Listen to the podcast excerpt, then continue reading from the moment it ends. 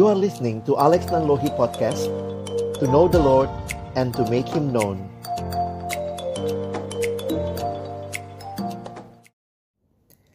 Ya Tuhan tolong kami ketika bersama-sama akan kembali membuka firman-Mu. Bukalah hati kami, jadikanlah hati kami seperti tanah yang baik, supaya ketika benih kebenaran-Mu ditaburkan, boleh sungguh-sungguh berakar, bertumbuh, dan berbuah nyata di dalam hidup kami. Di dalam nama Tuhan Yesus Kristus Sang Firman yang hidup, kami menyerahkan pemberitaan firman-Mu. Amin. Roma pasal yang ketiga ayat yang ke-23 dan 24. Karena semua orang telah berbuat dosa dan telah kehilangan kemuliaan Allah dan oleh kasih karunia telah dibenarkan dengan cuma-cuma karena penebusan dalam Kristus Yesus. Kekristenan bukan sekadar agama yang berisi hanya ajaran-ajaran dan ritual untuk dilakukan.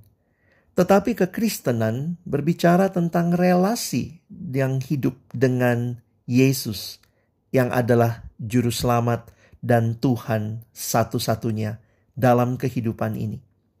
Karena itu ketika kekristenan boleh dinyatakan, ini berbicara lebih jauh tentang kabar baik, kabar sukacita yang menjadi pengharapan bagi seluruh dunia.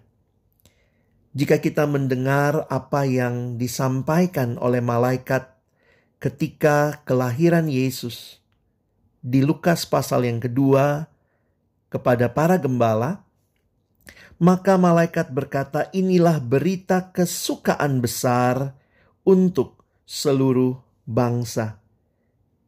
Ini adalah berita kesukaan besar untuk seluruh bangsa. Saudara yang dikasihi Tuhan, sering kali untuk mengerti berita sukacita besar, maka mungkin kita perlu juga menghayati apakah berita duka cita yang besar. Supaya ketika berita sukacita itu datang, maka kita bisa benar-benar menghayati, ya, ini adalah berita yang sungguh sukacita.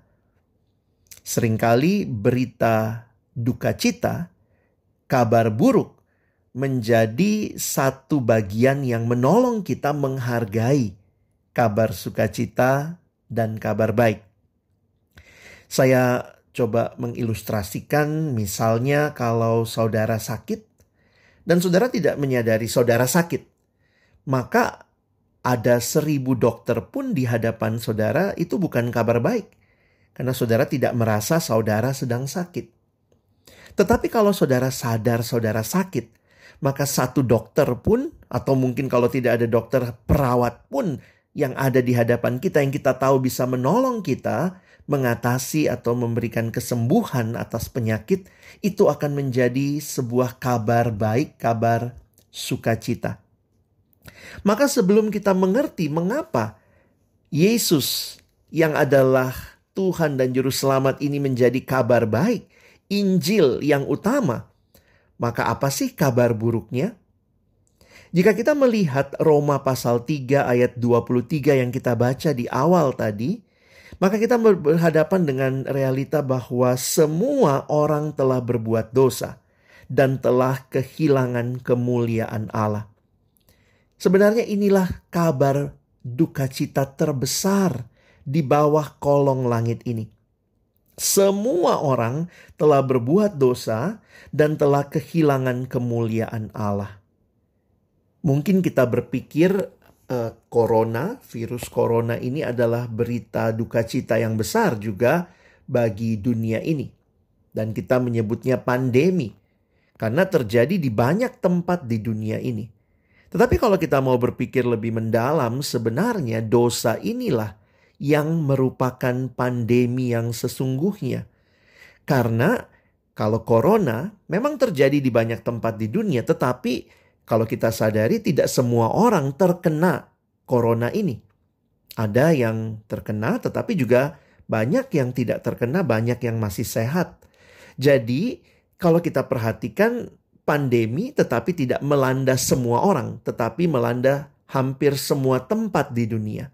Berbeda dengan dosa yang diberikan gambarannya di dalam Alkitab, dalam Roma pasal 3, karena semua orang telah berbuat dosa. Karena itu, dosa inilah sebenarnya pandemi yang sesungguhnya. Sin is the real pandemic, melanda semua umat manusia yang tua, yang muda, yang miskin, yang kaya, yang berpendidikan, yang kurang berpendidikan, laki-laki, perempuan, semua berbuat dosa dan kehilangan kemuliaan Allah. Di dalam dosa manusia berpikir dirinya adalah segala-galanya. Yang paling penting aku puas, aku senang, aku untung, aku aman bukan lagi apa yang Allah kehendaki, bukan lagi hidup jadi berkat bagi sesama, tetapi akulah yang menjadi segala-galanya.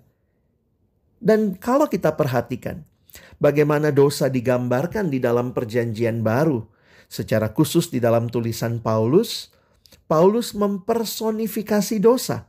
Dosa digambarkan seperti seorang tuan yang sedang memperbudak sehingga dikatakan di dalam kitab Roma misalnya, Paulus menggunakan istilah hamba dosa.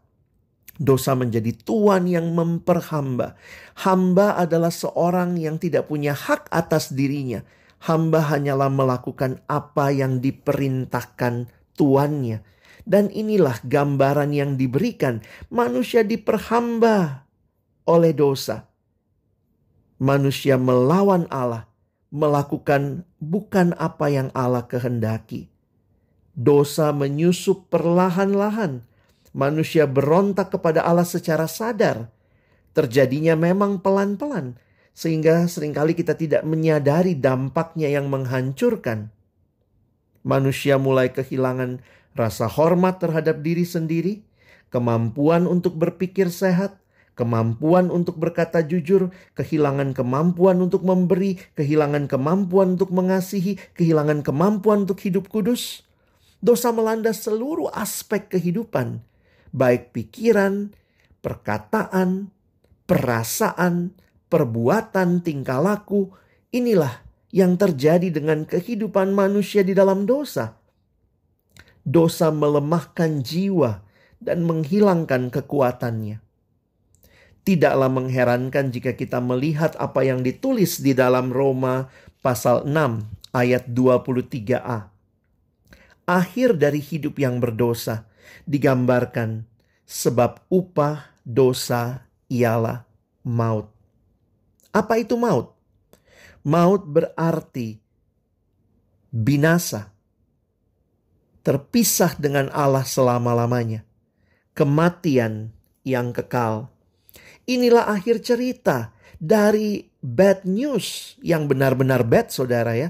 Benar-benar berita buruk bahwa manusia yang jatuh di dalam dosa adalah manusia yang pada akhirnya akan berujung pada maut. Apa yang menjadi good news yang bisa kita lihat bersama-sama sebagai pengharapan kita? Bagi orang-orang yang percaya pada Yesus, kematian bukanlah cerita terakhir kita. Binasa bukanlah cerita terakhir kita.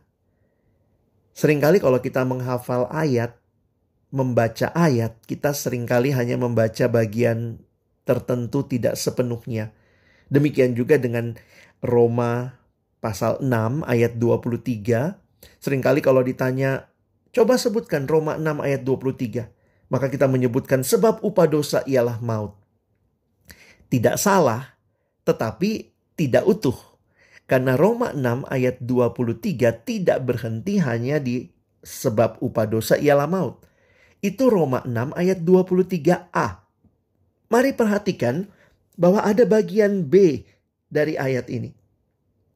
Sebab upah dosa ialah maut, tetapi Karunia Allah ialah hidup yang kekal dalam Kristus Yesus Tuhan kita. Puji Tuhan, saudara jangan cuma hafal kabar buruknya. Sebab upah dosa adalah maut. Itu kabar buruknya. Mari kita ingat kabar sukacitanya. Tetapi, kata Paulus di dalam Roma 6 ayat 23 bagian B. Tetapi, karunia Allah ialah hidup yang kekal dalam Kristus Yesus Tuhan kita. Puji Tuhan bagi orang yang percaya. Akhir kisah kita bersama Yesus adalah kisah kehidupan yang kekal, bukan kisah kematian kekal, bukan kisah maut, tetapi hidup yang kekal yang diberikan hanya di dalam Yesus Tuhan kita. Karena itulah kekristenan berpusat pada pribadi Yesus, bukan hanya pada ajaran. Kita tentu mengikuti ajaran Yesus, kita ikuti ritual-ritual, tetapi kekristenan berbicara relasi kita dengan Yesus yang menyelamatkan kita dari dosa. Jika kita buka hati kita terima Dia dalam hidup kita, maka kisah kita tidak berakhir di kematian kekal, tetapi di dalam kehidupan yang kekal. Itu juga yang sebenarnya sangat jelas kita baca tadi di Roma pasal 3 ayat 24. Sekali lagi, kalau kita membaca, mari membaca dengan utuh. Seringkali kita hanya baca Roma 3:23. Karena semua orang telah berbuat dosa dan telah kehilangan kemuliaan Allah. Ingat, itu berita buruknya. That is the bad news. Tapi perhatikan ayat 24. Dituliskan dan oleh kasih karunia telah dibenarkan dengan cuma-cuma karena penebusan dalam Kristus Yesus. Puji Tuhan, ini good news. Ini Injil, ini berita sukacitanya. Semua telah berdosa. Tetapi di dalam Kristus kita memperoleh penebusan yang kekal, yang indah, yang menjadikan kita baru. Saudara yang dikasihi Tuhan, kekristenan adalah relasi dengan Yesus. Yesus yang datang mencari, menyelamatkan yang hilang. Dosa adalah masalah manusia, tetapi kita tidak bisa menyelesaikan dosa karena itu Allah datang di dalam putranya Yesus Kristus menyelesaikan pergumulan dosa kita. Yesus membayar harga yang mahal untuk penebusan kita. Karena inilah yang menjadi rencananya yang agung bagi setiap kita, supaya kita tidak binasa, melainkan kita beroleh kehidupan yang kekal. Bagaimana kehidupan yang mengalami berita sukacita ini? Tentunya bukan lagi hidup yang berpusatkan pada diri sendiri, tetapi menjadi hidup yang berpusatkan kepada Kristus. Sebuah kehidupan yang bukan lagi aku yang utama, tetapi Yesus yang menebus hidupku. Ada kehidupan yang berbeda, kehidupan yang bukan mengikuti dunia, berbeda dengan dunia, menjadi kehidupan yang boleh memuliakan Allah. Mari kita melihat kehidupan kita yang sudah mengalami berita sukacita ini. Sudahkah kita mengalami perubahan karena Yesus telah menyelesaikan pergumulan dosa kita? Jangan lagi menikmati hidup di dalam dosa, hidup yang membuat kita akhirnya mempermalukan Tuhan dengan perbuatan-perbuatan yang tidak berkenan kepadanya. Mari membangun kehidupan yang sungguh-sungguh di dalamnya. Kita menyatakan, Tuhan, Engkaulah yang utama di dalam kehidupanku. Ada seorang bernama Dawson Trotman membuat sebuah ilustrasi untuk menggambarkan kehidupan orang Kristen yang sudah dibaharui. Dia menyebutnya ilustrasi roda karena dia menggambarnya seperti sebuah roda. Mari membayangkan jika ada sebuah roda, maka sebenarnya roda itu yang berputar adalah porosnya. Maka bayangkan bahwa di pusat hidup, di poros itu, harusnya ada Yesus yang bertakhta. Dan kemudian Dosen Trotman menggambarkan poros itu dihubungkan dengan dua jari-jari kepada lingkaran daripada roda itu. Ada dua jari-jari, satu yang vertikal melambangkan hubungan dengan Allah, dan satu lagi yang horizontal melambangkan hubungan dengan sesama. Hubungan dengan Allah, kita berbicara kepada Allah, itu disebut doa dan Allah berbicara kepada kita melalui kitab suci, melalui firman-Nya. Karena itu kehidupan orang Kristen yang taat, yang ada Kristus di pusat hidupnya harus terhubung dengan Yesus di dalam relasi vertikal, di dalam doa, dan di dalam firman. Mari kita memberikan waktu-waktu terbaik kita untuk berdoa kepada Tuhan, berelasi dengan Dia, dengar-dengaran akan firman-Nya. Dan juga ada yang kedua adalah jari-jari yang horizontal, hubungan dengan sesama. Hubungan ini ditandai dengan satu hal, kita rajin bersekutu dengan orang-orang percaya, dan mari kita bersaksi dan melayani kepada dunia yang belum mengenal siapa Yesus. Maka kita melihat inilah kehidupan yang terhubung dengan Allah dan juga terhubung dengan sesama, dengan Kristus di pusat kehidupan. Biarlah ini yang menjadi kerinduan kita. Kita yang sudah mengalami Injil boleh berelasi dengan Tuhan dan sesama, menggenapkan apa yang Tuhan kehendaki. Kasihilah Tuhan Allahmu dengan segenap hatimu, dan kasihilah sesamamu manusia seperti dirimu sendiri. Bagaimana kita menerapkannya dalam hidup kita? Mari atur ulang prioritas-prioritas hidup kita. Sudahkah relasi dengan Tuhan menjadi bagian penting di dalam kehidupan setiap kita? Kita tidak hanya menghabiskan hidup mengejar semua yang kita mau, tetapi kita lupa relasi dengan Tuhan. Dari sekolah minggu sebenarnya kita sudah diingatkan bagaimana bertumbuh adik-adik Baca kitab suci, doa tiap hari kalau mau tumbuh. Bertumbuh di dalam pembacaan akan kitab suci, doa, dan itu kita lakukan setiap hari sebagai satu wujud kebergantungan, kebutuhan kita akan kehadiran Tuhan dalam hidup ini. Saudara yang dikasihi Tuhan, kita tidak bisa berjalan sendiri kita membutuhkan Dia. Saudara dan saya membutuhkan Yesus bukan hanya buat keselamatan kita.